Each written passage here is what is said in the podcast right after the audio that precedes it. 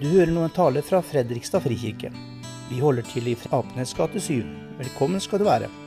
Ønsker du mer informasjon, finner du det på fredrikstadfrikirke.no. I dag er det Kristi åpenbaringsdag, og prekenteksten er henta fra Lukas evangeliet kapittel 2, vers 41 og videre. Hvert år pleide Jesu foreldre å dra til Jerusalem for å feire påske.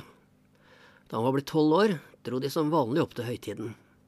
Men da høytidsdagene var over og de skulle hjem, ble gutten Jesus igjen i Jerusalem uten at foreldrene visste om det. De trodde han var med i reisefølget, og gikk en dagsreise før de begynte å lete etter ham blant slektninger og venner. Da de ikke fant ham, vendte de tilbake til Jerusalem for å lete etter ham der. Først etter tre dager fant de ham i tempelet. Der satt han blant lærerne, lyttet til dem og stilte spørsmål. Alle som hørte ham, undret seg over hvor forstandig han var, og hvor godt han svarte. Da foreldrene så ham, ble de slått av undring, og hans mor sa, Barnet mitt, hvorfor har du gjort dette mot oss? Din far og jeg har lett etter deg, og vi har vært redde. Men han svarte, Hvorfor lette dere etter meg? Visste ikke at jeg må være i min fars hus? Men de forsto ikke hva han mente med det han sa til dem. Men så ble han med dem hjem til Nasaret og var lydig mot dem. Men hans mor tok vare på alt dette i sitt hjerte, og Jesus gikk fram i alder og visdom. Han var til glede for Gud og for mennesker. Det mest dyrebare vi eier, er barna våre. Og foreldres verste mareritt er at det skal skje dem noe vondt. At vi skal miste dem. Jeg tror nesten alle foreldre har hatt noen opplevelser der barna har blitt borte. Og panikken er ikke mange minutter unna når slikt skjer.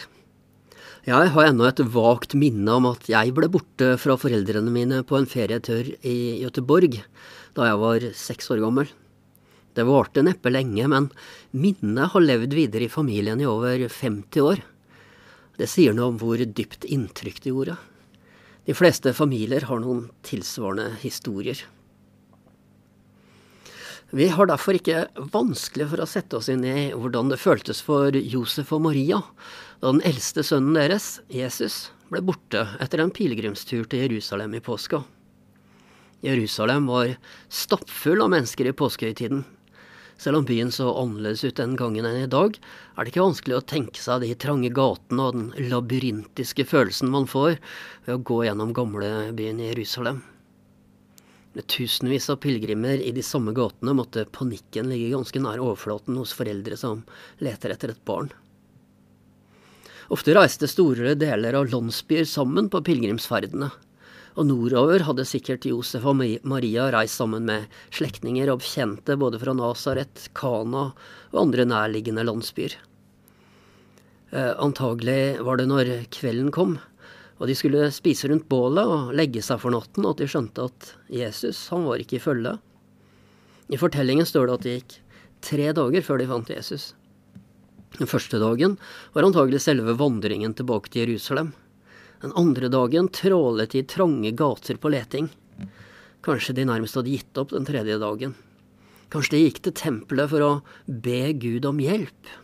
Jeg vet ikke, men det var der han var. Tolvåringen Jesus i en altoppslukende samtale med de flinkeste teologene og lov lovlærde. De som hadde studert Skriftene gjennom et langt liv. De som kunne store deler av Toraen utenat de som kunne sitere skrift, skriftlærdes utsagn og fortolkninger. Og Jesus, han forbløffa dem alle. Med sine kunnskaper, sine refleksjoner, med sine spørsmål. Tolvåringen Jesus var som alle læreres drømmeelev. For Maria og Josef var han noe annet. Han var barnet deres. Sikkert et forunderlig barn, men tross alt et barn. Ikke rart de bebreider ham. Hvorfor har du gjort dette mot oss? Og Jesus svarer, visste dere ikke at jeg må være i min fars hus? Dette er den eneste barndomshistorien vi kan lese om Jesus i Bibelen. Siden ble det diktet opp mange historier som skulle fylle tiden mellom Jesu fødsel og Jesu dåp, da han kanskje var omkring 30 år gammel. Vi kan lese om dem i f.eks. det som heter Thomas' barndomsevangelium, skrevet et par hundre år senere. Men Bibelen er ganske uinteressert i den tiden. Bare denne ene historien fortelles, og det er bare Lukas som gjør det. Hvorfor gjør han det? Hos Lukas spiller flere hendelser knytta til tempelet i Jerusalem en viktig rolle i Jesu liv. Han er den som forteller at Josef og Maria bar det lille Jesusbarnet til Jerusalem da renselsestiden var over, altså etter 40 dager. Her møter de Simon, han som ånden hadde latt få vite at han ikke skulle dø før han hadde sett Herren salvede.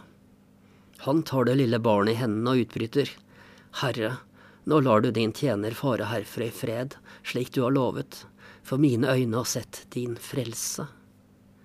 Og her møter de også en kvinne som heter Anna, Fanuels datter. Hun er 84 år gammel og har bodd i tempelet i mange, mange år. Hun kom fram til dem og lovpriste Gud og fortalte om barnet til alle som ventet på frihet for Jerusalem, står det. Det neste som Lukas forteller, er historien om Jesus som tolvåring i tempelet. Tempelet for Jødene er stedet der Gud på en spesiell måte åpenbarte seg. Og her åpenbarte Gud hvem Jesus virkelig var. Han var Guds frelse. Han var Jerusalems frigjører. Han var den som kalte Gud sin egen far. Denne søndagen kaller vi Kristi åpenbaringsdag, og den handler om hvem Jesus er. Vi har feira jul. Nå får vi vite mer om hvem barnet i krybben virkelig er. Det er dette disse tekstene hos Lukas, som følger etter juleevangeliet, handler om. Siden dette skjedde, har folk hatt alle slags formeninger om Jesus.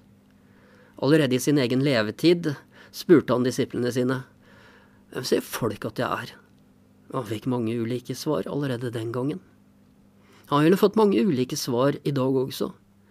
De fleste mener han var en fin fyr, en omvandrende predikant som lærte folk god livsvisdom, eller en opprører som talte makta midt imot, en barmhjertighetens apostel som tok seg av alle han møtte på veien. Og alt dette er i og for seg sant og riktig, men om han ikke hadde vært noe mer, så spørs det om vi fortsatt hadde lytta til ham 2000 år senere. For det har vært mange predikanter og opprørere og filantroper som har kommet og gått på denne jorda. Hvis han ikke var noe mer, vil det neppe være mye vits i å stadig, vende, tilbake til historien om ham. Men fortellingen om da han som tolvåring ble borte for foreldrene sine og befant seg i tempelet, sier noe mer. Lukas forteller at det var av en grunn, og grunnen er utsagnet om at Jesus var i sin fars hus, at han dermed var Guds sønn. Og det er her fortellingen om Jesus sprenger våre rammer. Han var Guds egen sønn som kom til jorden for å frelse oss. Og spørsmålet som stilles oss da, er ikke bare hvem vi sier han var eller er, men om vi vil ta imot ham. Ikke bare som et lite barn i en krybbe, men som en frelser på et kors. Neste gang vi møter Jesus i Lukasevangeliet, er når han døpes av Johannes i Jordanelva, og en stemme fra himmelen utbryter. Du er min sønn den elskede, i deg har jeg min glede. Guds sønn. En svimlende tanke. Mange tror ikke det er sant. Mange syns ikke det har behov for ham. Mange nøyer seg med julestemningen og alt det materielle jula representerer. Men i dag inviteres vi til å gå videre med Jesus. Gå med ham inn i voksenlivet. Ta ham på alvor. Tro på ham. Ta imot ham som frelser oppleve det Johannes skriver i sitt evangelium, at alle som tok imot ham, dem ga han rett til å bli Guds barn. Og da kan også vi få være barn i Guds hus, som ikke lenger er et fysisk tempel i Jerusalem, men hele jorden. Gud vil være vår far overalt. Han er til stede for deg der du er, og han vil være til stede for deg gjennom hele det nye året vi beveger oss inn i hvor usikkert det enn kan synes.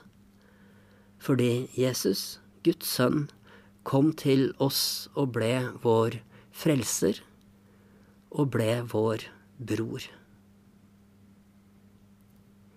Ta imot Herrens velsignelse. Herren velsigne deg og bevare deg. Herren la sitt ansikt lyse over deg og være deg nådig.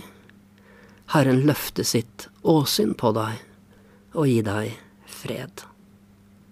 Amen.